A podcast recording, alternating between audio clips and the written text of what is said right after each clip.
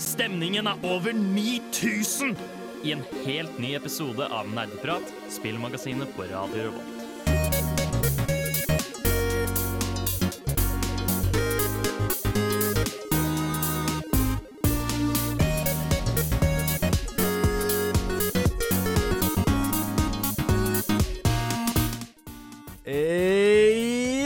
Velkommen til en helt ny episode av Nerdeprat, ditt stoppested for allting nerd her på Radio Revolt. Mitt navn er Lars Martin, og jeg er dagens programleder. Og med meg i studio har jeg en eklektisk, artig skravlegjeng som er klar for å snakke høl i huet på deg om allting gaming, og i dag spesifikt brettspill. Wow. Dette Wow. blir bra. Med meg i studio på Teknikerplassen, Jakob. og til høyre for han Bård. Magnus. Oksana. Wow, alle mann alle i studio. Ja. Chattes Hvem er du? Ja, hvem er jeg? Hvor har jeg vært? Ja, men hvor, Hvorfor er du tilbake? Jeg trodde du kasta deg ut. Er jeg tilbake? Hvem vet? Kanskje dere får høre mer om det i innsjekken etterpå. Hey, yo, det er DJ MacLeod Banks. Du er på Nerdeprat. Baku!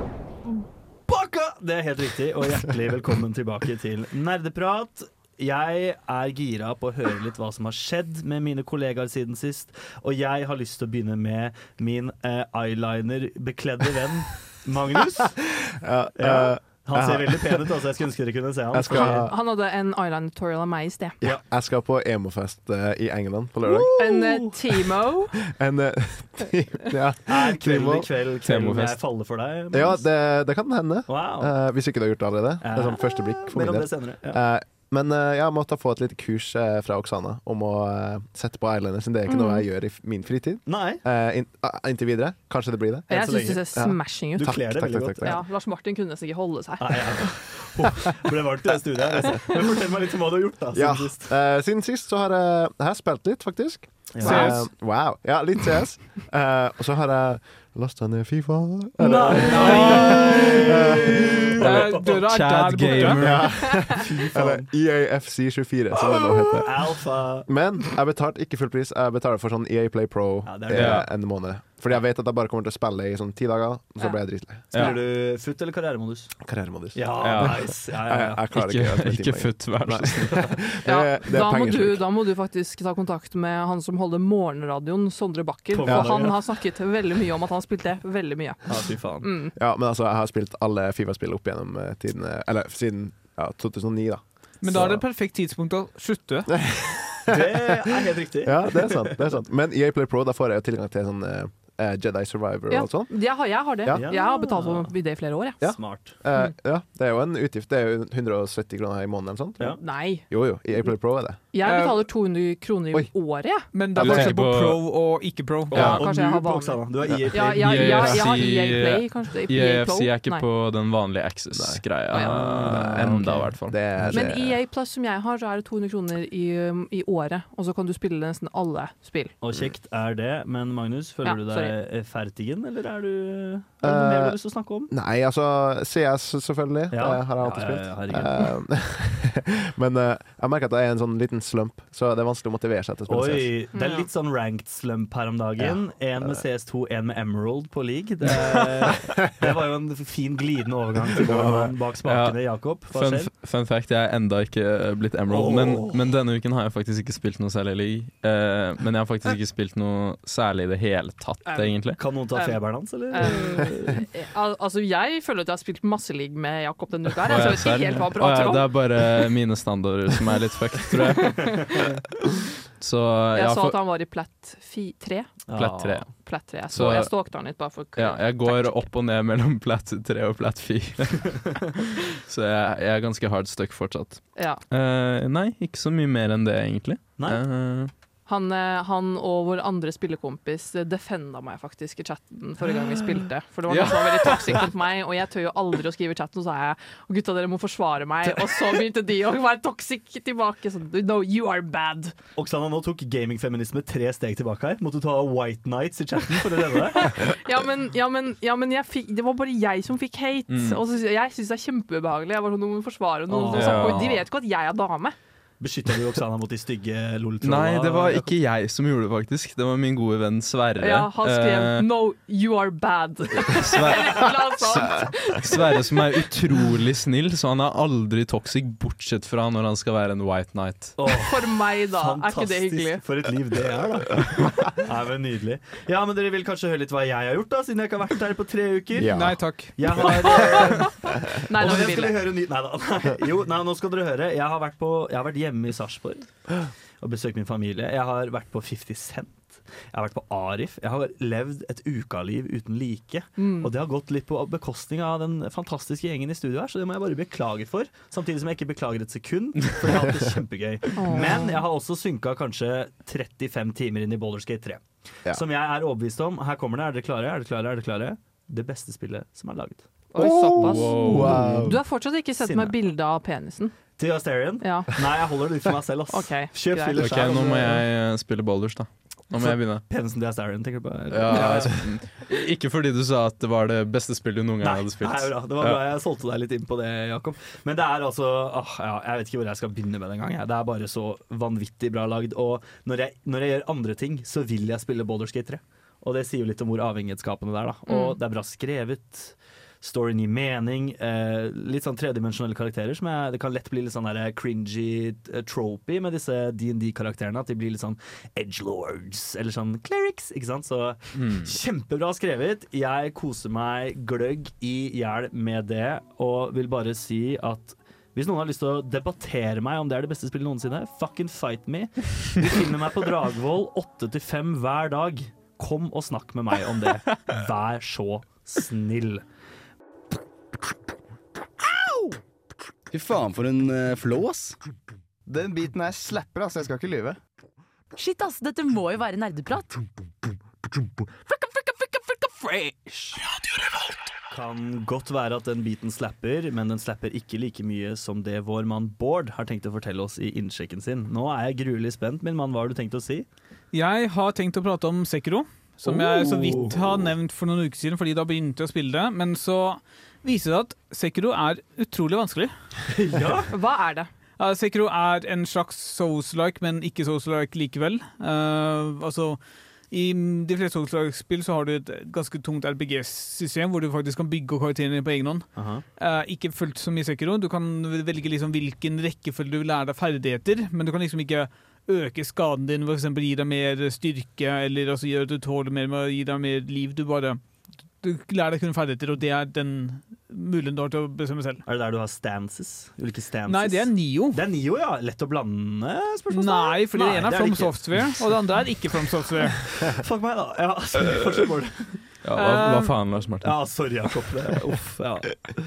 Nei, eh, så jeg ved hjelp av litt tålmodighet og litt eh, hint fra gammel læreprater Håkon, så har jeg nå kommet meg forbi én boss. To, én, to, to. To, ja. Ja. Og funnet alle de verktøyene som hjalp meg å komme meg forbi disse to. Eller, ja. uh, fikk en oppgradering som hjalp meg veldig mye.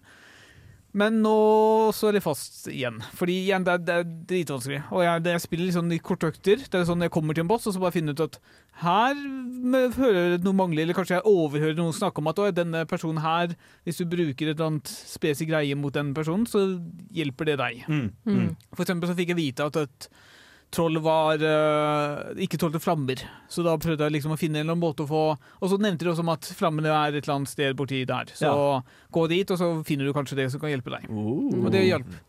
Nice. Så jeg bare fortsetter videre på det, men det er jo et utrolig kult spill. Altså både liksom eh, i, Altså, verden er godt bygd, du har Du føler det virkelig som en eh, altså ninja-lignende Du er jo en shinobi. Ja, ja, ja. Altså en Oh. samurai med litt sånn snike seg rundt, uh, bruke en grappling hook for å komme deg til steder. Er det litt weeby-board? Er det litt weeby? Er du blitt litt weeb? Nei, jeg vil ikke si det. Det er jo, det, altså det er jo Dark Souls bare i ninjaform. Ja. Og litt mer lineært, og så har du ikke liksom en stor åpen verden sånn som Elden Ring. Du har en relativt lineær eh, fremgang, da. OK, jeg skjønner. Mm. Mm. Spennende. Ja. Ja. Mm. Oksana? Ja, jeg vil snakke om to ting. En ting som har vært veldig bra, og en ting som jeg synes har vært veldig dårlig. Oi. Jeg starter med den dårlige. Jeg har spilt mer Starfield. Mm. Um, Space Rim? Space Rim. mm -hmm. uh, og som jeg har nevnt tidligere, så har jeg eh, likt det veldig godt. opp til et punkt nå som jeg har kommet til. Og siden det så har jeg faktisk ikke spilt det, fordi jeg syns at den feilen ved spillet var faktisk såpass stor at jeg var litt sånn shit, jeg er liksom veldig lite motivert for å fortsette med Quests. Oh. Eh, det er det som måtte ha vært snakken rundt Starfield generelt, er at eh, spillet er veldig dårlig balansert. Mm. At lange, store quests, eh, de for eksempel er veldig lette kjempelenge, og så kommer du til siste delen av questen, og så blir den så vanskelig, og ikke sånn vanskelig du kan gjøre det bedre, men sånn det er typ, jeg kan fortelle, altså det her er mange av i spillet generelt, du, altså du har sånn eh, Starship Battles, ikke sant? og det er helt vanlig på flere quests, det er ikke en spoiler. Eh, I den questen jeg er i nå, så gjør jeg det, men idet jeg skyter på én av motstanderne mine, så går alle de andre ti escortsene på meg, og da Wow. driter de mine lagkamerater. Så du dør jo på to sekunder. Selv om du spiller på super easy, som jeg måtte bytte ut til slutt. For jeg Ja. prøvde å komme meg videre. Så den eneste løsningen jeg hadde, var bare å fly så langt vekk jeg klarte. Sånn at den der musikken i bakgrunnen forsvant. Bossmusikken forsvant. Ja, boss Og der kan du fast-travele og begynne på en ny quest. Ah, Så jeg kommer aldri til å fullføre denne questen, tror jeg. For jeg har, sett, jeg har lest på Reddit, og det er flere som var sånn Jeg klarte aldri denne questen her, Yes, liksom. men har Bethesda adressert det på noen måte? Eller? Jeg er litt usikker, jeg har ikke gjort noe research. Jeg har bare satt liksom tre timer og prøvd meg på denne questen på den lille sluttdelen, som er liksom minimal. Ja, okay. Eh, og fikk det ikke til, og ble sykt umotivert. Og så endte jeg bare med å fly vekk, lande på random planet, og så savet jeg, og så eh, tok jeg det aldri igjen. Oh, ja, okay. Eh, nummer to, jeg har kjøpt meg Super Mario Bros. Wonder. Er det Eh, elefant ja, eh, Mario? ja. Eller, eller jeg fikk det som en gave, da. Mm, jeg kjøpte det ikke selv. Men eh, jeg, fikk- jeg, Ah, fikk- gave ja? Nikolai. Han multikonsoltmannen? Eh, han kjøpte det til meg som en gave for å avslutte min siste praksis, som jeg syns var veldig hyggelig. Eh, og jeg har spilt det ganske mye siden jeg kjøpte det på, to, på fredag. Ja. Ja. Og vet du hva? Det, altså, det er et klassisk Super Mario Bros.-spill. Det er et plattformspill som byr på nye ting. Det er på en måte litt av det samme at sånn, du går fra A til B, og du må kanskje samle opp på noen mynter opp igjennom. Men så har du jo nye power-ups, du har eh, liksom bedre designa eh, verden, du har mer interaksjon, fordi noen av de eh, blomstene snakker jo til deg og sier morsomme ting. Eh, og jeg gleder meg. Jeg er litt redd for at jeg kanskje spillet er litt kort i forhold til prisen, for jeg gikk gjennom den første verden veldig fort. Men ja. Veldig bra. Artig å høre at Mario fortsatt er alive and kicking. ja. En annen person Og som man er kan spille fire. Man Eller fem. fire. Man kan spille stor multiplier, så alle kan spille hos meg Det kunne Nerdeprat nesten spilt det. Det hadde vært Kan han kjøpe det hos andre òg?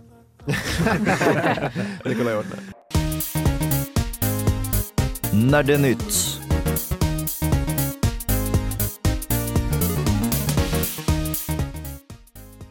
Live fra Nerdeprat-studioer. Vi er i felten med vår faste korrespondent Bård. Fortell oss noe nytt, da! Eh, denne her har jeg faktisk fått eh, tilsendt av gammel nerdeprater Håkon. Oh. eh, fordi han oppdaga dette her. Han er jo faktisk litt involvert i det jeg skal prate om nå. Eh, fordi nå nylig så tror jeg Nintendo har endret retningslinjene sine for turneringer i Smash Bros. Ja! Det var det jeg også Jeg tenkte på det. Jeg skulle ta med det i dag, og så glemte jeg det helt. Det er helt sinnssyke nyheter, forresten. Altså, herlighet. Jeg leste den greia. Det var jo galskap. det- Fuck Nintendo. Hva er det som har skjedd? Ja, nå, nå har jeg falt litt av. er det blitt enda strengere? Altså, Jakob kan sikkert mer om dette enn det jeg kan, men altså for, sånn første ting er jo at de har fjerna muligheten for å registrere turneringer i spill utenom de som finnes på Switch. Så det vil si, Oi. altså, Melee er nå borte. Du kan Nei. ikke arrangere turner offisielle turneringer. Teknisk sett så uh, har de bannlyst alle Melee-turneringer nå. Wow. Oi! Eh, teknisk sett. Ja. Så, eh, og så er det noe de Og så snakker de mye om det at man ikke skal eh, tjene penger forbi de pengene man skal bruke til pricing osv.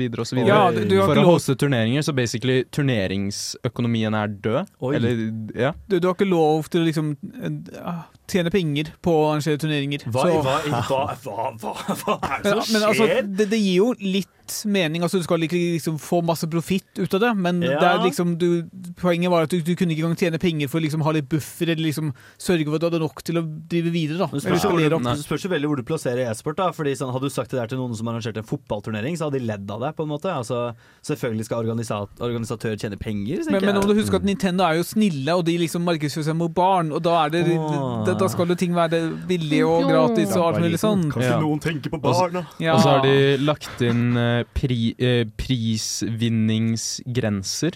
Oi, Du kan oi. ikke tjene mer enn sånn 9000 dollar på så og så lang tid fra turneringer til spillene til Nintendo, tror jeg. Wow. Eller noe sånt. Ja. Uh, tror jeg at jeg leste. Eh, jeg husker ikke alt nå. Har du noe mer, eh, Bård? Uh, de kan ikke få penger fra tredjeparty, sånn som sponsorer, tror jeg. What?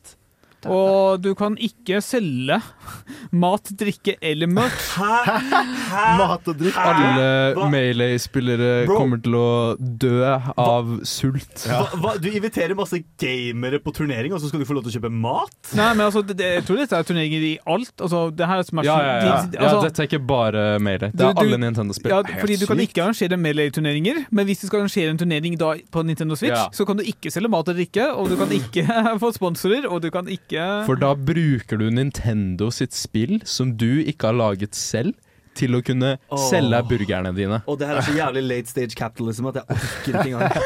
Å, fy faen, nå ble jeg skikkelig lei meg. Jeg vil jo bare spise en, en burger til 230 kroner på den lokale Super Smash-turneringa. Er det så jævla gærent? Ja. Åh. ja ja, sørgelig nytt. Eh, Magnus, du sa også at du hadde noe. Ja, eh, det har jo vært verdens første CS2-turnering. Oi! Eh, Oi, oi. Og vi har en eh, nordmann på vinnerlaget.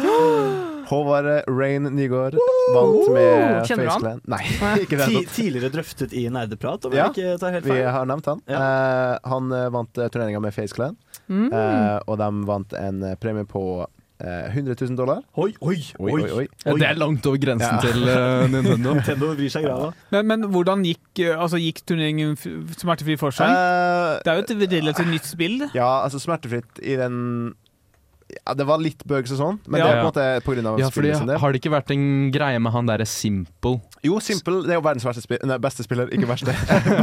som uh, fikk en DM fra Valve? Ja, han fikk uh, et spørsmål direkte fra Valve, som er lager Counter-Strike og Source-spill, eh, om han hadde noe direkte innspill. Eh, og så sa han bare 'fuck off'. så han eh, Oi, sa Ja, bare, han svarte ikke. Ja, Og så sa han på streamen sin Ja. bare sånn fuck off, Bare liksom. sjekk Twitter, liksom. Ja, ja, ja. Finn, finn det ut sjæl, liksom. Faen, mic drop. Ja. Og det er veldig sånn conflicting, da, eh, det er, eh, om eh, det han gjorde var jævlig drittgjort, Ja. rett og slett, eller ikke, da. Men han har alltid vært litt sånn splittende personlighet. Den ja. slutten, da. Ah, Fordi- kontrovers. Ja. Det er mange spillere som jeg tror hadde blitt kjempeglad av å få en DM fra Valve og bli spurt direkte på den måten, da. Ikke sant? Uh, yes. mer CS-drama og goss blir det i senere Nerdeprat-sendinger. Det er jeg helt sikker på. Det blir det. Dette er DJ MacLeod Banks. Du hører på Nerdeprat. God gaming. Siden tidenes morgen har mennesket søkt etter måter å fylle tid mellom måltider og arbeidsoppgaver. Én løsning ble brettspillet, og et av de første av dem her kom i oldtidens Egypt for over 5500 år siden. Dette spillet heter Senet og ble spilt av legendariske faraoer som Tutankhamon og Kleopatra. Senet har blitt framstilt i flere maleri av diverse egyptiske herskere. De spesifikke reglene til Senet har blitt tapt over tid, men mange forsøk har blitt gjort på å gjenskape reglene til beste evne. I dag kan man spille en versjon av scenen som ble rekonstruert av historikerne Timothy Kendall og Robert Charles Bell. Men om dette er helt i tråd med versjonene som ble spilt i oldtida, er usikkert. Videre fikk vi også spill som vi er bedre kjent med i dag. Spill som Backgammon kan spore sine røtter til over 5000 år siden i Mesopotamia og Iran. Men hvis vi hopper fram i tid, kan vi finne spor av en tidlig form av et spill vi i Norge nå har blitt godt kjent med gjennom media og idrett. And we And have we a have a new world champion. Unbelievable. Magnus Carlsen. champion of the world. Sjakk. Tidlige versjoner av sjakk kan vi også finne både i India og andre land i Sørøst-Asia.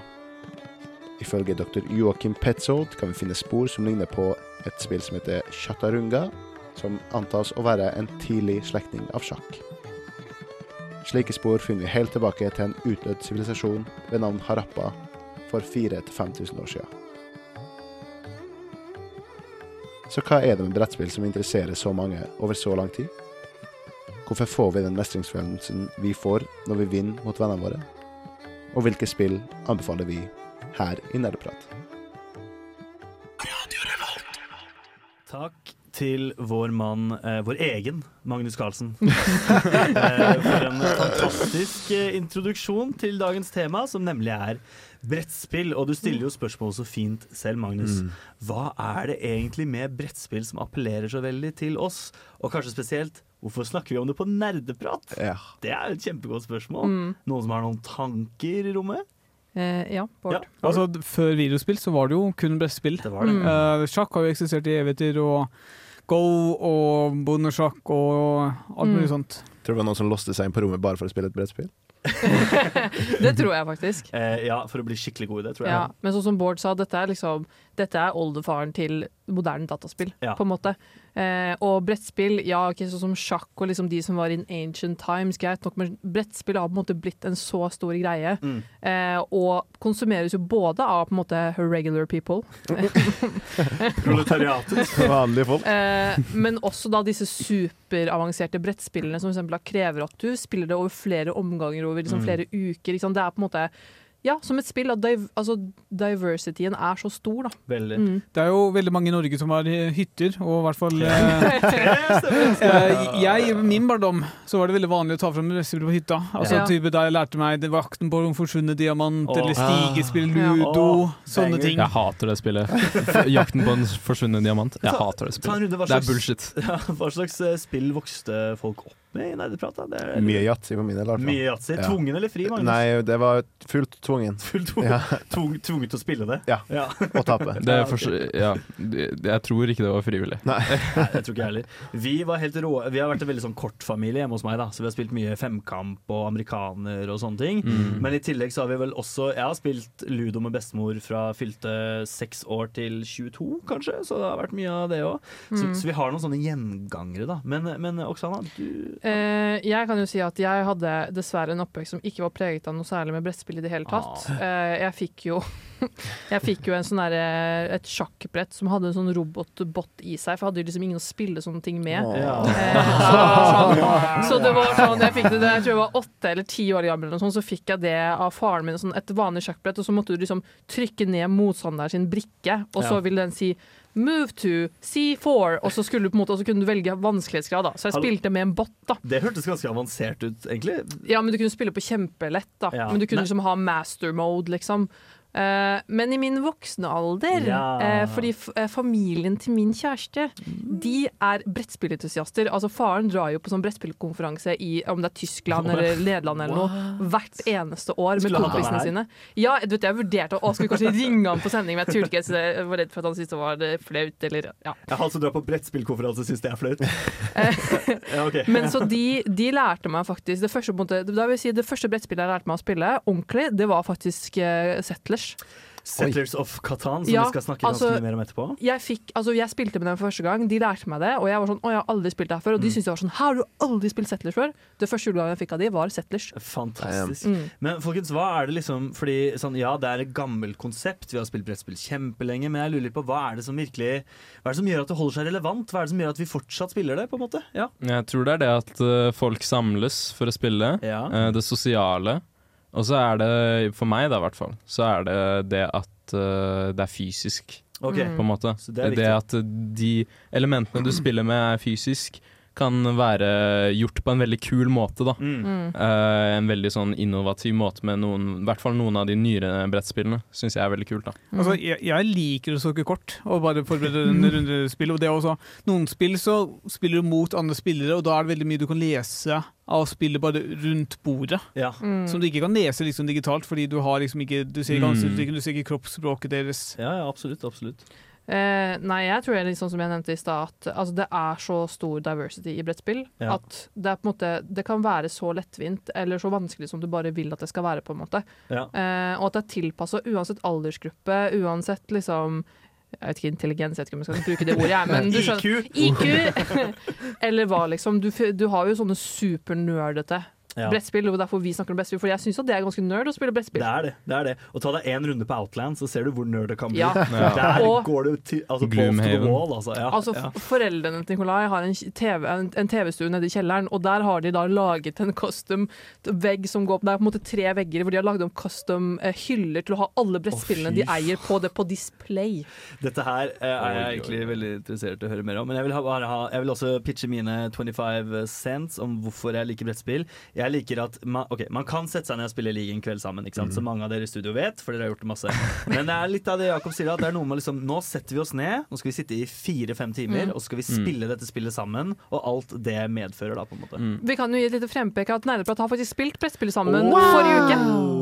Det blir bra å høre mer om det, men Mm. før du skal høre mer om det, Oksana Å, fy faen! Jeg har kjøpt den nyeste Katan-utvidelsen, og den heter Nerder og databluss med opptil fem spillere. Vil du være med og spille, eller? Drit i det. Vi hører på Nerdeprat isteden. Ja. Akkurat i kveld skal vi høre på nerdeprat i stedet for å spille Katan. Men Katan, Katan, Katan, eh, full tittel 'Settlers of Katan' er jo, vil jeg tørre påstå, en av de mest tilgjengelige eh, anførselstegn nerdete brettspillene som fins. Er det noen som har lyst til å forklare litt hva det går ut på? Altså, Du legger ut noen brikker som da representerer forskjellige ressurser. Ja. Og så bruker de ressursene for eh, Og så bygger du opp ressurser for å bygge ting. Veier, slott, landsbyer lignende. For å da få en dominerende makt til å til slutt vinne spillet, da. Ja, jeg kan supplere med at det ligger litt i navnet, altså uh, The Settlers of Katan. Altså du skal eh, Hva, hva er Katan? Hva er Katan? Det er en plass. Det er øya, ikke sant? Det er øya man ja. er på, heter Katan. Ja, men The Shit. Settlers of Katan, det vil Ja. si at altså, hele poenget er at du skal settle ned i Katan, og den som settler best, vinner. Ja. På en måte. Og hvordan settler man best, Oksana? Nei, du må sette ut uh, byer altså, Nå husker jeg ikke navnet her på tampen, for alle bruker ulike navn Ja. på Men Byer og borger, for byer og borger, Ja. lengste vei, du kan få poeng via å kjøpe utviklingskort. Og Ja. dette gjør du via Du har fire ulike ressurser. Du har tø- tømmer? Det er, det er tømmer, eh, gråstein, eh, murstein og lam. Det er de fire. Og så har du utviklingskort, som er den femte bunken. Så det er fire ressurser. Nå Ikke hadde jeg sånn brain blast moment. Ja, ja, du dere vet også? Jo, og Ja, hvete. Og hvete. Og hvete. Sorry, sorry. Fem, fem. Beklager. Beklager. beklager. siste. Ja. Og med de ulike kombinasjonene fra de ressursene Du eksempel må ha to gråstein og fire hvete for å kunne bygge eh, en by, for Ja. eksempel. Eller, et, en, Mm. eller sånn litt større by, da. Eh, så du må på en måte trade inn dine ressurser. Du må planlegge sånn at eh, du får eksempel en god plass, fordi du Mm. ruller en terning og ut ifra hvis du får nummer seks, og den sekseren ligger på hvete, og de personene som da ligger settla rundt hveten, vil få den hveten. Og i startfasen av spillet så plasserer alle ut to små byer, og en, Mm. vei tilhører hver by, og så starter man liksom Mm. Og så er det vel, Jeg spiller sånn at ok, så alle disse heksagonale brikkene man legger ut, da, Mm. som representerer ulikt terreng, de, de legger du ut tall på, som Mm. korresponderer til to terninger. sant? Mm. Vi spiller alltid sånn at tallet er flippa opp ned. Hm. Sånn, ikke sant? At du start, altså På baksiden av tallet så er det en bokstav. Ja. Så plasserer man ut bokstavene, Ja. og så plasserer man settlementsa, og så flipper man bokstavene over til tallet. Skjønner du hva jeg mener? Nei. Jeg skjønner hva du mener. Ja, så klart. For å gjøre det litt mer random, eller gjøre at man ikke kan cheese seg så sykt til Ja, fordi det er helt umulig å memorisere seg hvilke bokstaver og hvilke tall. Er det det? Er det? Jeg har noen kompiser som kunne fått Ja, det. ja. De teller også kort, da, for så vidt. Så. Mm. Hei, Andreas, forresten. Ja. Men en ting jeg syns Jeg syns på en måte Katan er et veldig nerdete spill. Jeg føler at det er ganske, ja, det er ganske lang eh, vei mellom Ludo, Monopol Ja, og Katan. For Bård hadde en hard påstand her under låt. Han sa at Katan er gateway-drugget Ja. etter Ludo. Nei. Og da ble jeg what the fuck?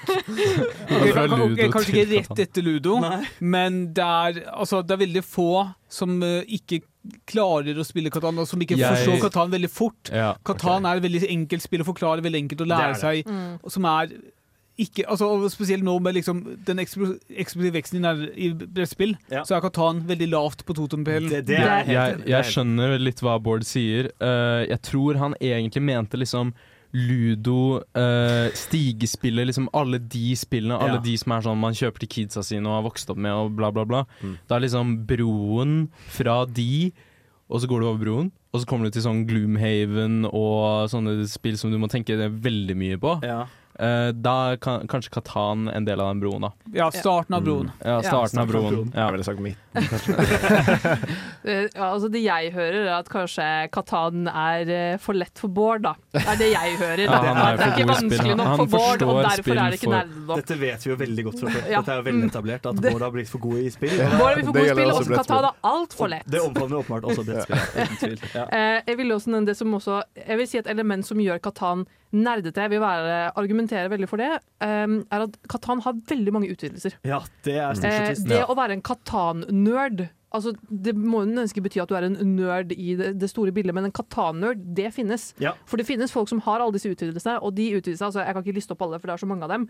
Eh, alt mulig som altså expansions pack, som legger til nye elementer til spillet. Mm, Eh, flere typer Eh, altså byer, andre typer kort. Altså sånn eh, Ja, masse forskjellig. Har du noen erfaringer med å spille med utvidelser? For jeg har prøvd Ja. det. Jeg syns base er best. Ja, altså Det som er finest med utvidelser, er at Katan, vanlig Katan kan du bare spille fire stykker på. Ja. Eh, og så mange familier er gjerne større enn det. Ja. Så for å, for å kunne spille opptil seks stykker, så må du ha en utvidelse. Mm. Så jeg er jo Mm. vant med å alltid spille vanlig Katan med utvidelse, som Ja, vi kan være seks. For den utvider bare base-gamet, altså den, den utvider, du får flere brikker, Ja. Og i tillegg så kan du bygge på andre sin tur. Det kan man ikke når man har fire. Mm. Game changer, am I right? Og en Katan-versjon som jeg har spilt nylig, som jeg synes, og som jeg også har kjøpt utvidelse til denne uka, det er Game of Thrones-Katan. For det spilte jeg på lørdag. Eh, og det er på en måte der, Jeg lurer på om det må nesten vært et samarbeid eller noe mellom Game of Thrones og Katan, for det er litt annerledes. For der er det et helt nytt element i spillet. Mm. Hvor de legger til The Wall, og Wildings kommer inn på, på Mm. brettet. Og det er på en måte noe helt nytt. Er det sånn som serien at det starter veldig bra, så helt på slutten blir det veldig veldig kjedelig og dårlig? Nei, nei, nei, nei. nei, nei. Eh, roasted! Nei, nei, nei. Vi kunne babla om Katan hele dagen, vi. Ja, Men vi skal word. også høre litt musikk. Men spill Game of Thrones-Katan, det er kjempegøy. Gjør det. Men før du gjør det, så hør på Sharkboy av Superspreder. Hei, alle sammen. Jeg er oraklet fra Uhu, og du hører på Radio Revolt.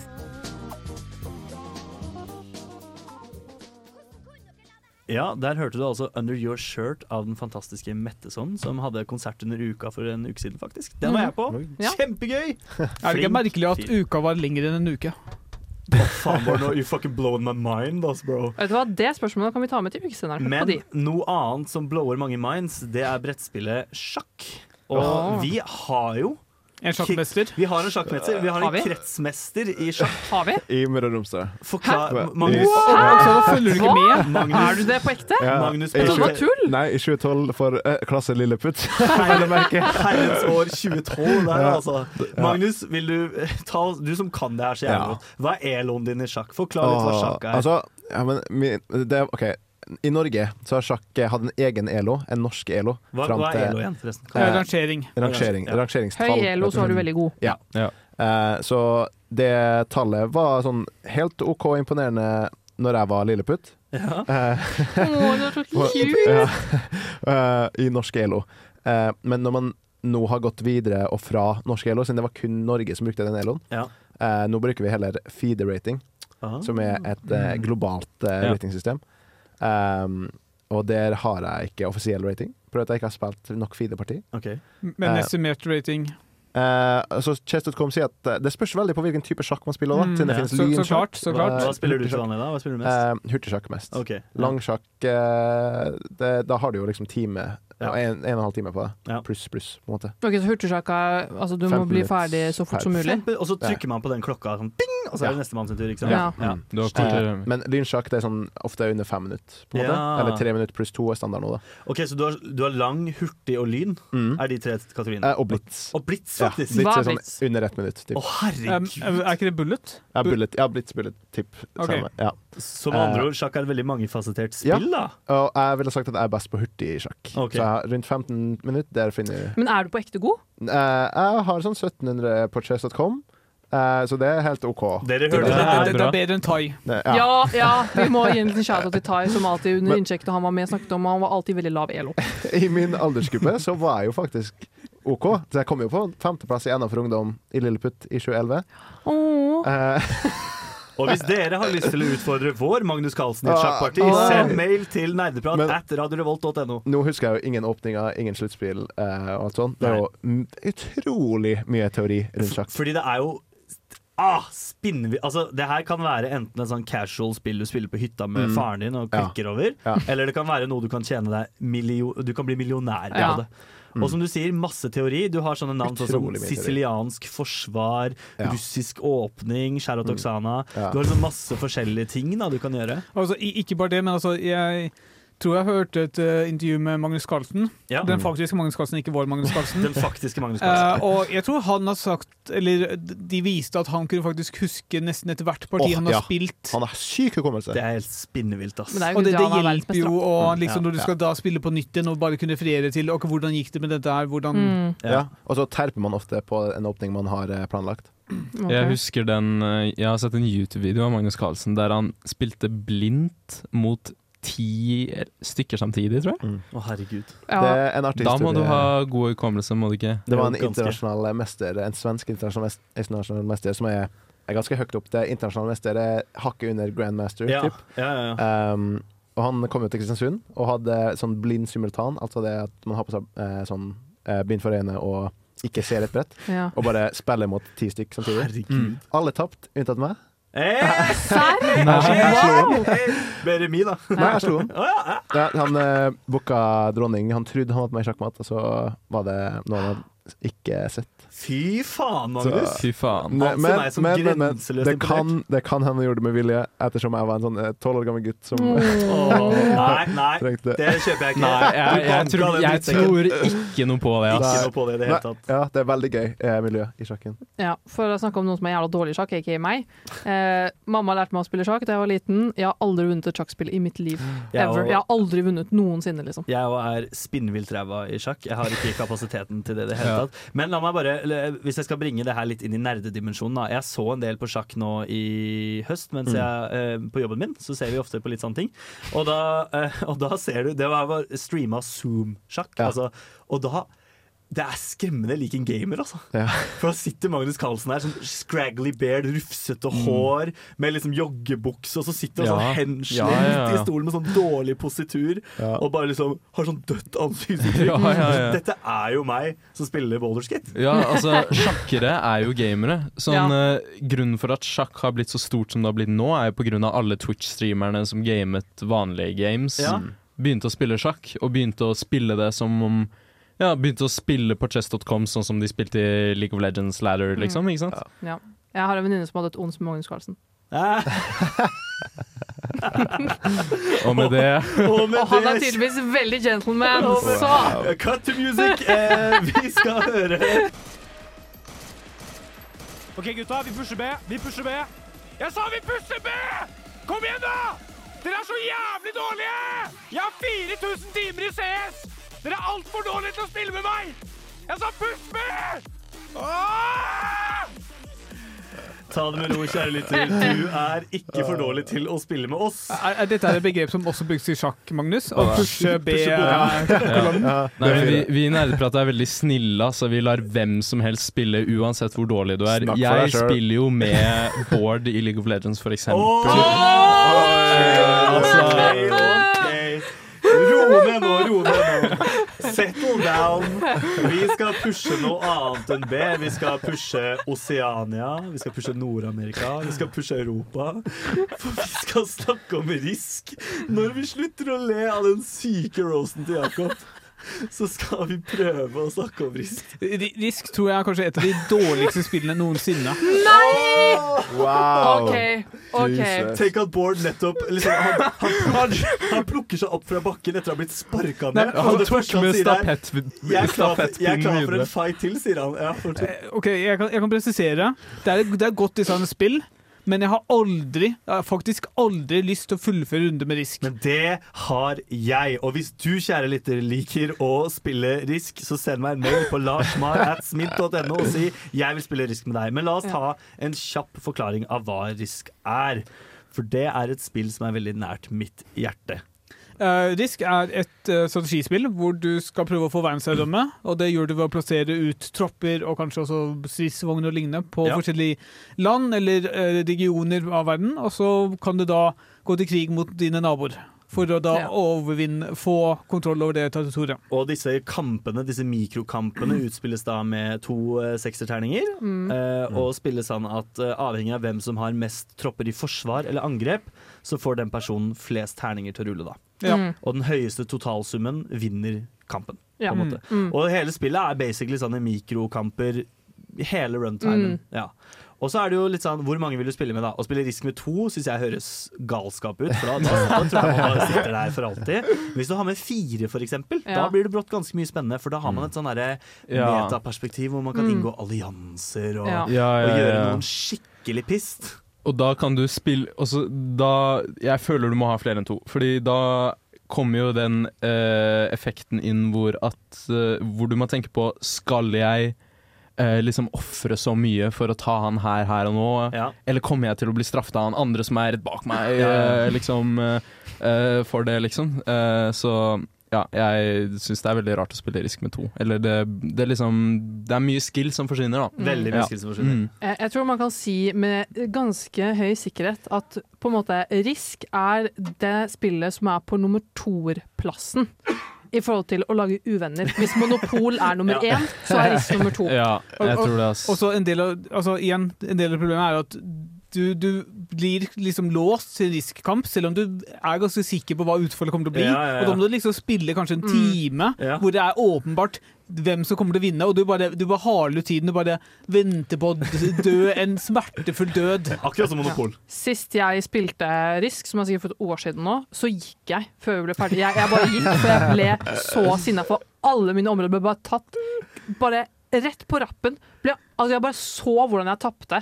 Så grufullt. Jeg bare sa vet du hva, jeg vil ikke spille mer, så gikk jeg. Jeg dro hjem. En av mine verste horrorstorier med Risk er eh, Jeg spilte med broren min og to kompiser, og hvor de to kompisene har hatt et intenst rivaleri opp gjennom hele barndommen vår. Eh, han ene kompisen min kunne velge Han hadde to valg. Det ene var prøve å vinne, eller sørge for at han andre kompisen min tapte. Og han gikk for det siste valget. Og han, han siste kompisen her, han ble så sur at han ble igjen etter spillkvelden og kjefta på han andre fyren og var sånn Det der er faen ikke greit! Så ja, Risk er en kilde til glede for venner på spillkveld. Ja, jeg vil også nevne at Risk kommer også litt sånn som Settlers, kommer i mange former. Bare Ja. Her kommer det gjerne ikke utvidelser, men det kommer mange versjoner av Risk. Som monopol. på en Eh, ja, som Monopol. Eh, som Men- jeg har Baby Yoda-monopol, for eksempel. Eh, Som ingen vil spille. Men uansett, så har man, altså man altså Bare for å nevne noen typer Risk som, eh, som er relevant for oss gamere. De, de har Call of Duty Black Ops Zombies Risk. Ja. Det er uh, Mass Effect Risk. Ja. Det er Star Wars Risk. Det er uh, Rustic Risk. Det er altså Metal Gear Solid Risk. Ja. Men jeg bare vil få en oppklaring. Er, det, er disse andre versjonene Er det sånn at spillet er blitt annerledes? Ja, Eh, på noen måter, for jeg har Game of Thrones-risk. Og da kan du Det har jeg også. Ja, og da kan du enten spille det som vanlig risk, bare med Westeros og Essos, eller du kan få til en hel ny dimensjon av spillet med masse Mm. heroes og extra abilities, og det er egentlig ganske gøy. Altså. Halo Risk. Halo Risk. Starcraft Risk. Oh my god, eh, verden er vår østers når du kommer til, til risk, faktisk. Men, eh, Ringnes herre-risk. men tilbudet Altså, står er- Risk Junior! Risk Clone Wars! Altså, det finnes det- så mange. Vil du spille risk Captain med meg? America. Send meg en mail. larsmar.smint.no. Hør her, Ylvis. Reven sier Come on! Fire! Sånn, så vet dere det. Det er klart og tydelig at Ja. reven har meget på hjertet. Men eh, reven har ikke noe å si her, for nå skal vi Jo, det snakke er du som er reven. Du har jo oransje genser på deg. What does the fox say? Ja, Nei, nå slutt. sier eh, i hvert fall Fox det aller siste der, på grunn av det vi snakket om tidligere i sendingen. Ja. Eh, Det med Nintendo. Rip Melee. Rip Melee. Rip. Rip. Ja. Men nå skal vi snakke om Fordi nå har vi vært innom noen fucking heavy hitters av noen ganske nerdete spill.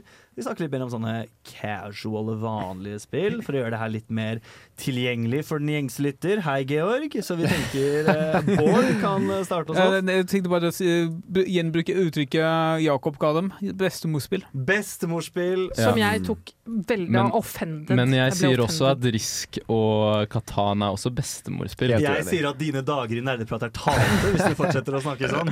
Men, ja, Men det, det jeg mener med bestemorspill, da, uh, nå som det ble calla ut, uh, er eh, spill som er liksom ganske gamle, tradisjonelle, som er i fryktelig mange households. Ja. Uh, om de er en, nerd, en mer nerdete bestemorspill eller mindre nerdete bestemorspill, det alle de er bestemorspill Altså, var det jeg ty tenkte, da. type uh, bestemor eller en onkel har vært på ark og funnet et brettspill Ja. og kjøpe til deg. Risk. Du finner så mange Risk-kopier på ark. Ja. Du finner så mange Katan-kopier på ark. Ja, fordi det er bra.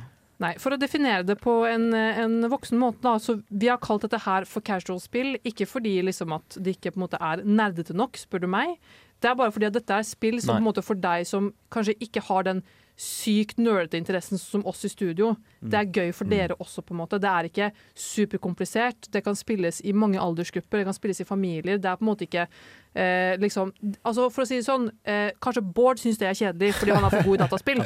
Men for dere som da ikke spiller dataspill, så er dette helt fantastiske spill å starte med, eller bare generelt spille med andre folk. Absolutt. Eh, veldig godt eksempel på det er Carcasson. Spilte ja. senest nå i sommer. Det er et spill hvor du bygger opp et spillebrett ved hjelp av kort man trekker, og så eh, vil de da brikkene utforme byer, åkre, veier og sånne Ja. ting. Og så er det om å gjøre da å kontrollere størst åker, lengst vei, Mm. største Ja. by, Oi. sånne ting. Og få poeng basert på det. Det har jeg spilt òg, faktisk. Da skyter jeg også inn noe som ligner bitte litt, så er Ticket to Ride. Det er litt samme konsept, bare at du bygger togbaner. Togspill. Alle det er- nerder elsker tog. Sheldon Cooper. Men, det, men Ticket to Ride har jeg spilt ganske mye med svigerfammen, og det er kjempegøy. Kommer i mange forskjellige maps. Anbefales. Spesielt Europaversjonen, med Mm, Nei, sånn. Japan-versjonen. Ok, Ja, for- uh, også Cluedo. Ja. Eh, Cluedo er sånn forskjellig i mitt hode, i hvert fall. Jeg elsker å spille Cluedo. eh, Cluedo Cluedo. Det er sånn mordmysterium, ikke sant? Så Men det, er det Cluedo eller er det Cluedo? Uh, jeg sier Cluedo, Ja. men i USA så heter det jo Clue. Ja, Ja. sant det. Altså, jeg har jo faktisk uh, Cluedo eh, og tok det med på Ja, da fikk vi svaret. Men uh, det, det er jo et spill jeg kjøpte fordi man hører veldig mye om det, men jeg har nesten ikke sett folk spille det. Men Nei. tingen med Cluedo er jo at det er eh, Nå sa jeg Cluedo med vilje, for å rette på pro point, Ja. ja. Eh, altså, det, det er på en måte å være med i en sånn mord og mysterier-sommerprogram, Ja. program på en måte, Ja, føler jeg. Så du må løse et mysterium, og det er så det, Jeg føler jeg lever meg veldig inn i det, da. Du lever Og- ut dine indre krimdrømmer. Ja. så hver gang så er jo dere frøken Rose eller sånt, Ja. og, og bare Nei, det var ikke meg. Det var, det var i salongen. Bruker du den stemmen nå Ja, når du ja. spiller Frøken Rosa? Ja, jeg må være litt forsiktig, hvis ikke så ja. Det er mange som liker den stemmen. Absolutt. Ja. Så vi har en sånn rekke, en sånn remse av litt sånn Mm. bestemorspill, som Jakob kaller det, eller Ja. casual-spill, som vi kaller det, som Ja. vi finner i mange husholdninger i Be Det kan også være bestefarspill, altså. Ja, gud forbi. De er inkluderende i Jeg nerdeprat. er jo Ja, ja, ja. Feministikone i nerdeprat. Uten tvil. Min, Besteforeldre, min, min night i toxice league-chatter. Nei da. Uh, nei, men jeg bare kommer rett og slett med liksom flere eksempler. For Folk lurer sikkert på Det er jo ikke bare Ticket to Ride eller Cluedo eller Carcassonne som er et alternativ, men Secret Hitler. Åh, Et veldig sånn, veldig sånn litt annerledes.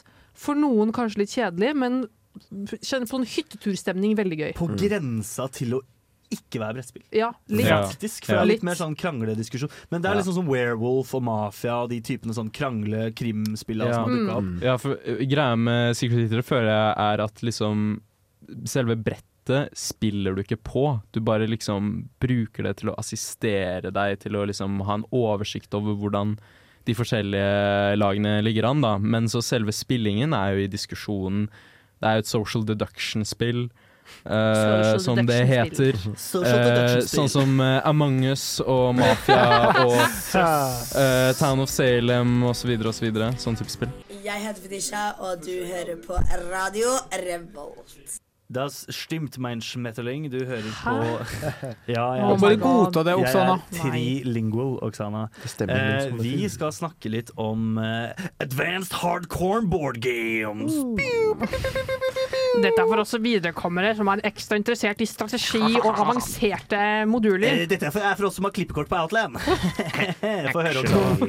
Hva, hva, legger vi, hva legger vi i dette uten å være jerks? Altså, dette Jeg vil kategorisere disse spillene at det finnes liksom, nerder som er spesielt interessert i brettspill. Ja.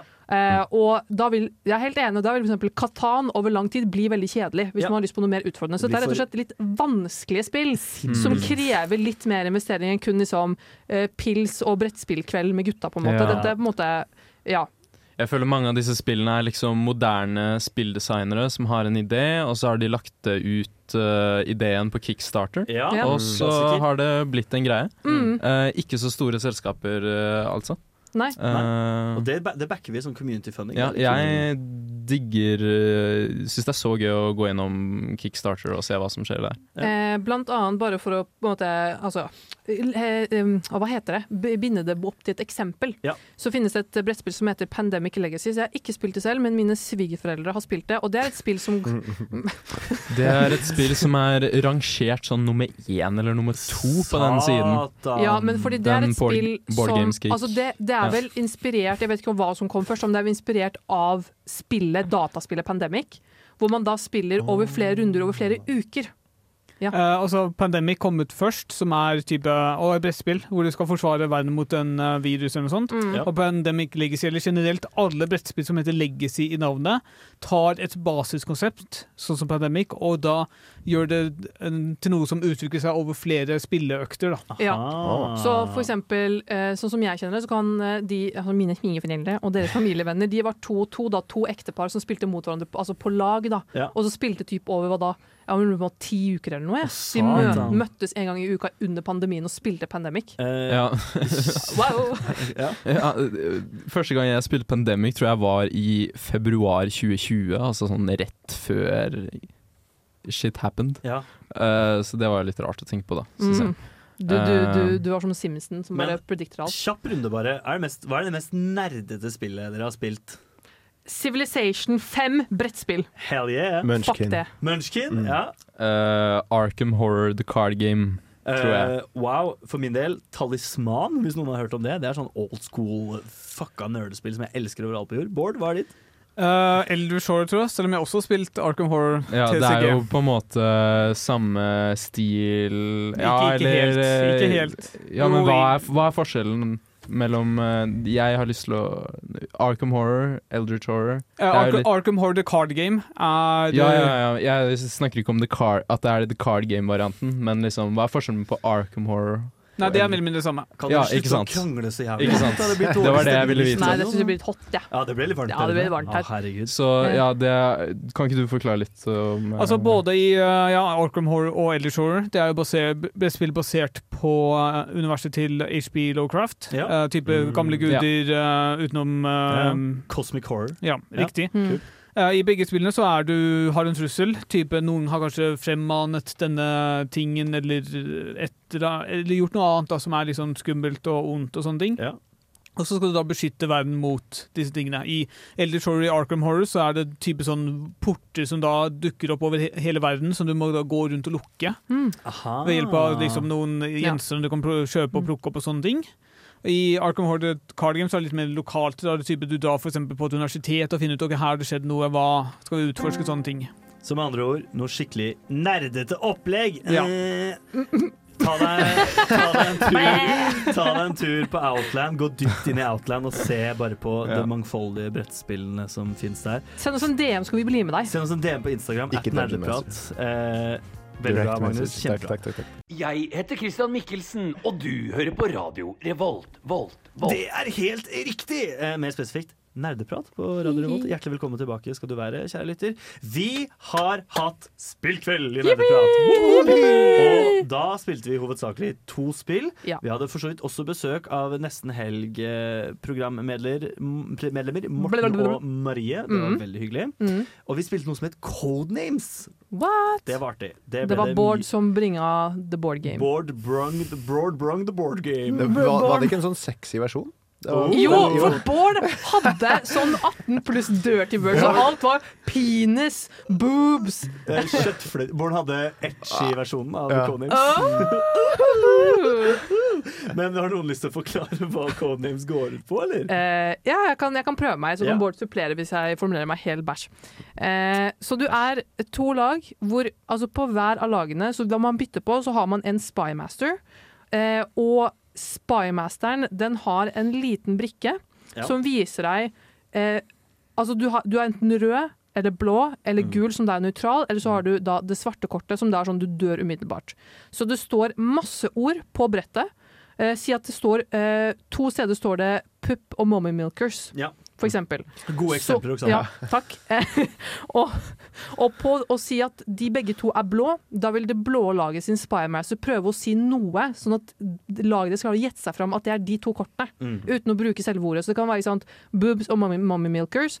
Så kan eh, personen si amming. Ja, ja. For eksempel. Ja. Og da kan de forstå OK, men samtidig så er jo dette svarte kortet som man må prøve å manøvrere seg unna, så ikke de gjetter det kortet, for da taper man jo med en gang. Ikke sant? Eller man, man ikke gjetter på det røde laget, for da Ja. vil det røde laget få poeng.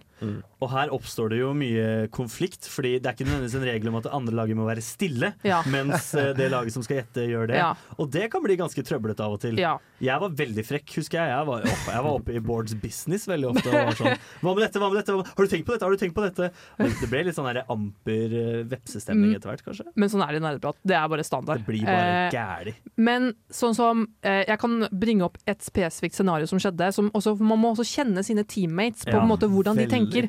Fordi jeg lurer på om du hadde et ord som var eukulasjon eller et eller annet sånt. Trigger warning. Her Ja. kommer noe dirty greier. ass.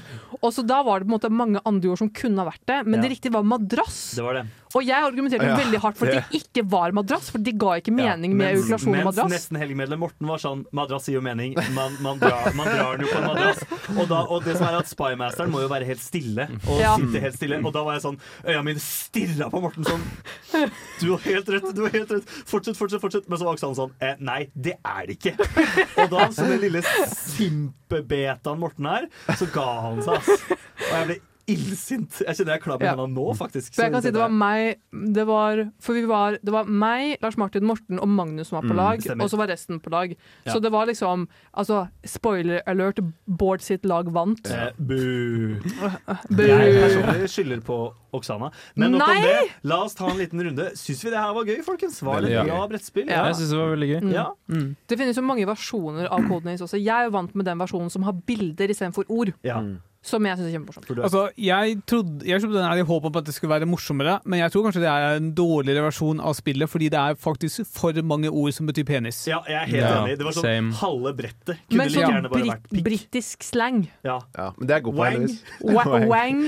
Og, og, og var det et eller annet sånn derre meat, et eller annet sauce et Ja, meat, uh, meat flute eller noe sånt. Det var var det sånn white sauce Ja, det sausage var- ja, et eller annet. Ja, det var jo et ord som jeg trodde var en togvogn hele tiden under spillet. Ja, det var det betyr vagina. Det var For caboose. vi tok en runde alle sammen og var sånn OK, nå går vi gjennom brettet Ja, dere, og så fikk vi en felles forståelse av disse ordene her. Mm. Caboose, rumpe. og så var det egentlig Jakob som hadde rett, da. Det betyr jo faktisk togvogn. Ja, Ja. men jeg fikk ikke med meg at alle trodde det var rumpe. Så ja. Wow, wow, wow. Wow, wow. da, din Mm. klagete faen. Men jeg var jo litt sjokkert over at det var så jævla dirty. For at jeg har jo spilt Codenames hos eh, svigerforeldrene mine flere ganger, og det har aldri vært sånne type kort. Men det er fordi det finnes en 18 pluss-versjon, og så finnes det en 18 minus-versjon. Som Bård kjøpte, og det hyller vi han for. 18 Jeg minus. vet, jeg, vet, jeg vet på at man blir spurt om legg, vet du, for det er så dirty. Jeg Sånn, har du legg, eller? Og Bård bare ja ja, selvfølgelig. Seff, Og så, I all got that thing on me, ass. Ja. Så eh, alt i alt, vi var veldig fornøyde med Codenames.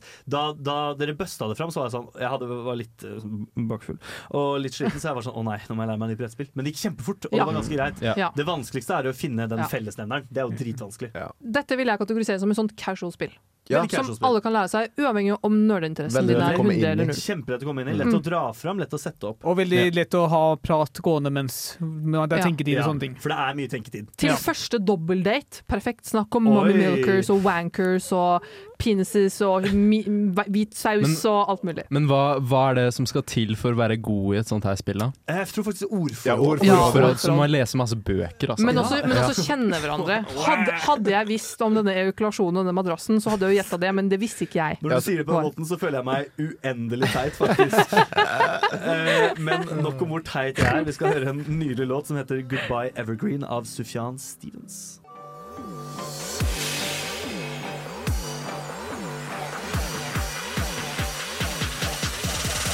Do you guys not have phones? Yeah, you guys all have phones, right?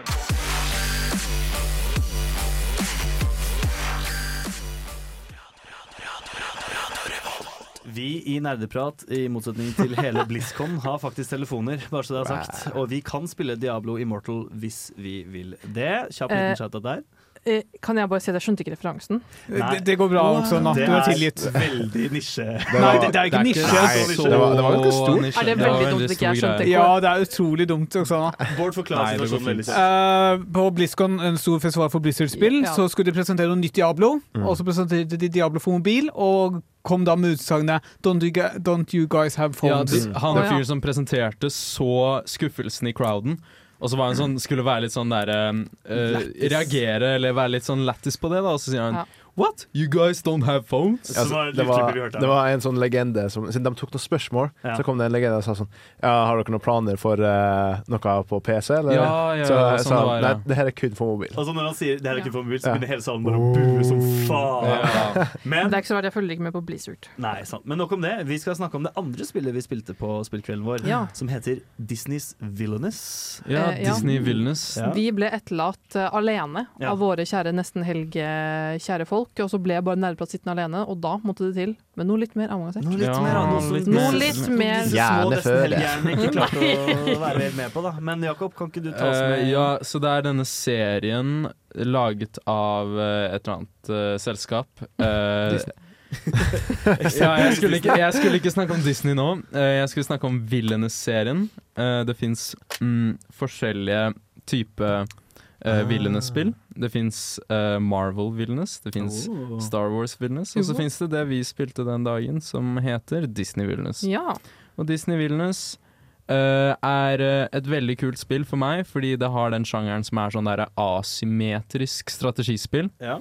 Som betyr at hver person spiller på en måte sin egen unike ting. Eh, og så um, Jeg var for eksempel Kaptein Krok fra Peter Pan. Ja, og så skal du vinne på din helt unike måte. Folk vinner ikke på den samme måten, sånn som eksempel i Katan. Og min unike måte var å myrde Peter Pan. Og det Ja. satte jeg veldig pris på. Det var en Mm. hyggelig må vei til ja. seier. Jeg Så- var han derre slemme fyren fra Aladdin. Jafar. Og min var, jeg var jævlig vanskelig med ja. å vinne. Jeg skal helt ærlig, jeg skjønte ingenting når vi spilte. Ja, så jeg det som fant er- null av hva jeg Oksana satt hele kvelden og lagde sånn Og skjønte ingenting. Yeah, Så yeah, yeah. ja, det er for så vidt. Det er for. Men eh, ja, så du spiller jo som en villain, da. Eh, så fiendene dine er jo heroes, ikke sant? Oh. Det er jo flipped, ikke sant? Så Oh. fuck Peter Pan, liksom. Fuck. Peter Pan, ass. Ja. Alle mine homies hater Petter Pan. ja. Det kunne vært en rap. Alle mine homies hater Petter Pan. OK, nå Ja, uansett. Getting off track. Ja. Nei, men det spillet er jo litt sånn bitte litt sånn mer komplisert da enn Mm. eh, et spill du kan bare lære med en gang. Ja. Du lærer ikke dette spillet med en gang, for det er en del sånne interaksjoner og sånn du må sette deg inn i og få inn i knollen din, eller Men hodet ditt. Men Jakob, hvem var det egentlig som vant? Det var eh, Bård fordi Wow, for et sjokk! wow, Wow. sjokk. Jeg bryr, meg ikke. Jeg bryr meg ikke. Og nå skal jeg si hvorfor. Bård eh, vant. Det er fordi han spilte mest, spilte mest OP-karakteren. Ja. Var det første gang jeg hadde spilt? Ja. Eh, men jeg skal også bare si at altså, jeg tror eh, neste gang jeg spiller Altså det er jo egentlig ikke så vanskelig, men klokken var jo da halv elleve eller elleve. Ah, Eh. Jeg, kom hjem halv to. Ja, Ja, sånn typ, typ, ja, nesten midnatt, så alle var jo, inkludert Lars Martin, og, og Magnus, alle var jo kjempeovertrøtte, og Ja. jeg hadde stått jo kjempetiden, og så plutselig skulle jeg liksom få en genie, og så hypnotisere han, og så få et eller annet bort til et lukket område. Ja. Nå Altså, signaliserer Bård at dette her er bare pjatt. Altså, og at, dårlig eh, at du jeg, ror. jeg har ikke nevnt noe ennå, men jeg så faktisk Bård ta med sånn to monster og gjemme dem under skjorta. Gjorde ja, jeg det? satt og supa. Jeg, Jeg visste det, ass. Jeg Ja, hva faen, Bård. Det her er ikke Det ljug du spiller. Det er ikke lov med drugs når Nei. du er doping. Doping, faen. Ja. Men vi kan jo si at hvis man har lyst til å gå et steg forbi Katan, et sted forbi Risk, et sted forbi liksom et casual-spill, så er Vilnes en ganske god inngangsport. Mm, det for det er liksom ikke det mest kompliserte, men det er noe nytt. Mm. Men jeg må jo altså, anerkjenne at det var litt dårlig balansert, kanskje. Altså, jeg føler Lars Martin havna veldig dårlig ut med Veldig. at uh, hans Nei, men hør på Men det altså. Hør på det. Lars Martin sitt kort, det han trengte, var nederst i bunken hans. I, nederst i bunken. Og, og Jakob var så flink at han tipsa oss om at ikke hjelp Lars Martin å komme ned gjennom okay. den bunken der. Nice. Disclaimer. eh, jeg tipsa om det fordi han fant det andre kortet han trengte med en gang. Det er ikke så farlig, syns jeg. Og okay, Kaptein. Krok er eh, ganske sterk, så jeg, ja, jeg ga det hintet da. Jeg beklager det, Lars Martin. Det tilgitt. Men jeg vil bare si at når vi kom inn i det, så syns jeg det var kjempegøy. Ja, det var jeg vil, jeg, vil, jeg vil spille igjen. Jeg vil faktisk anbefale sånn som Oksana sa, jeg vil anbefale alle som har litt sånn der, mer brettspillengasjement, å prøve det ut, for det var Mm. veldig gøy. Altså. Altså det, spesielt sånn etter hvert så trengte vi ikke tre minutter på å liksom finne hva vi skulle gjøre. Da gikk det liksom noen sekunder, Ja. og så var du Mm. nestemann. Og så Ja. utrolig mye bra flavor. Som hvis du digger Disney, eller digger noen av de andre seriene som også har Wilderness-spill, veldig sterkt anbefalt. Ja. Uh, mm. For meg var det ikke så viktig sånn, tem te det tematiske. Sånn, det kunne like gjerne vært Star Wars, Ja. men for meg var det at alle kitta var så forskjellige. Ja. Og at det var så forskjellige mål, syns jeg var veldig gøy. Ja, ja. Det Det, med den asymmetrien eh, er eh, good shit for Ja. meg, rett og slett. Men- det er som good shit. Man burde spille om man er litt våken. Veldig sant. Ja. Absolutt. Eh, gjør som Bård, ta med deg et par databruser og Yeah. hold deg våken i løpet av kvelden. Yeah. Eh, men før det så har jeg en liten melding, og det er at norsk punk må dø. Eh, og dette spilles da av Drittmaskin. Objection! Herr dommer, vi har enda ikke hørt Nerdeprats anbefalinger.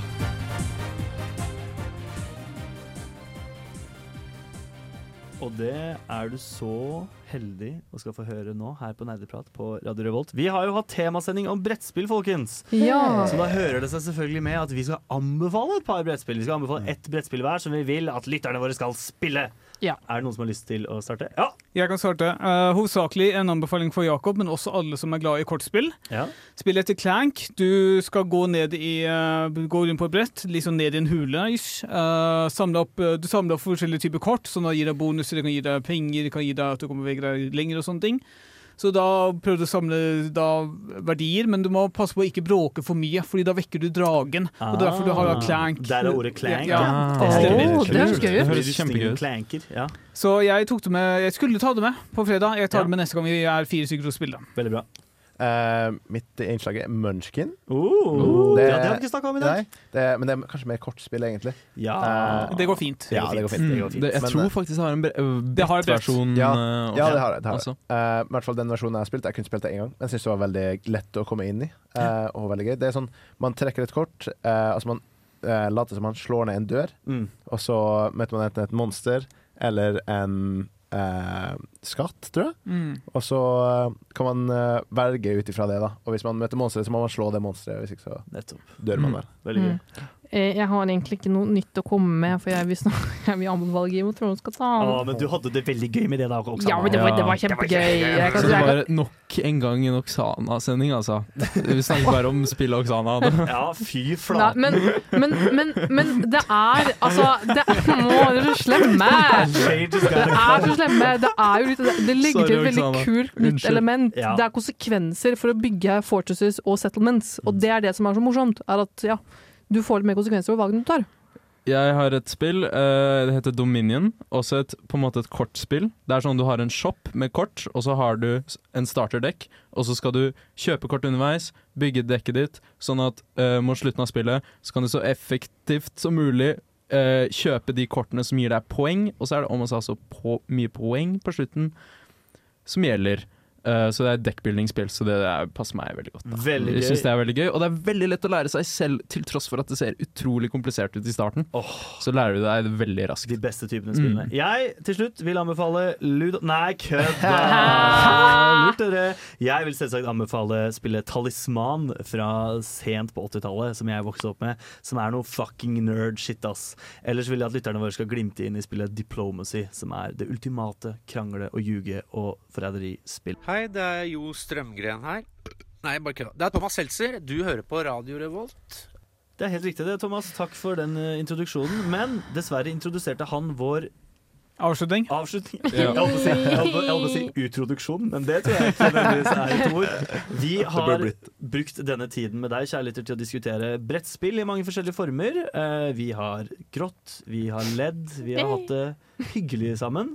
Og vært grovt uenig i mye rart. Ja. Men summa summarum så tror jeg det har vært en givende og fin eh, Ja. totimers eh, seanse med denne Mm. gjengen her. Altså. Har eyeliner over hele fjeset. Jeg, Ja, ja. jeg, jeg, jeg sier at vi, at vi Nerdeprat må sette ut et mål at en gang i løpet av livet vårt så må vi vinne over Bård i et brettspill. Det er Lykke til. seriøst det eneste jeg vil her i livet, er å slå Bård i noe som helst. Magnus mot Bård i sjakk. Alt annet ja! Ja. Du- Det går så fint om jeg ser Bård tape. Jeg trenger ikke ikke slå han sjæl, jeg må bare se han tape. Og det bør du se fram til, kjære lytter, men det skal du ikke for nå. For nå skal vi si etter du har fått, Jeg skal si hva låta heter. Jeg skal si at låta heter 'Sleep Song' av Derry, og så skal jeg si ha det bra. Ha det bra! Ha det bra!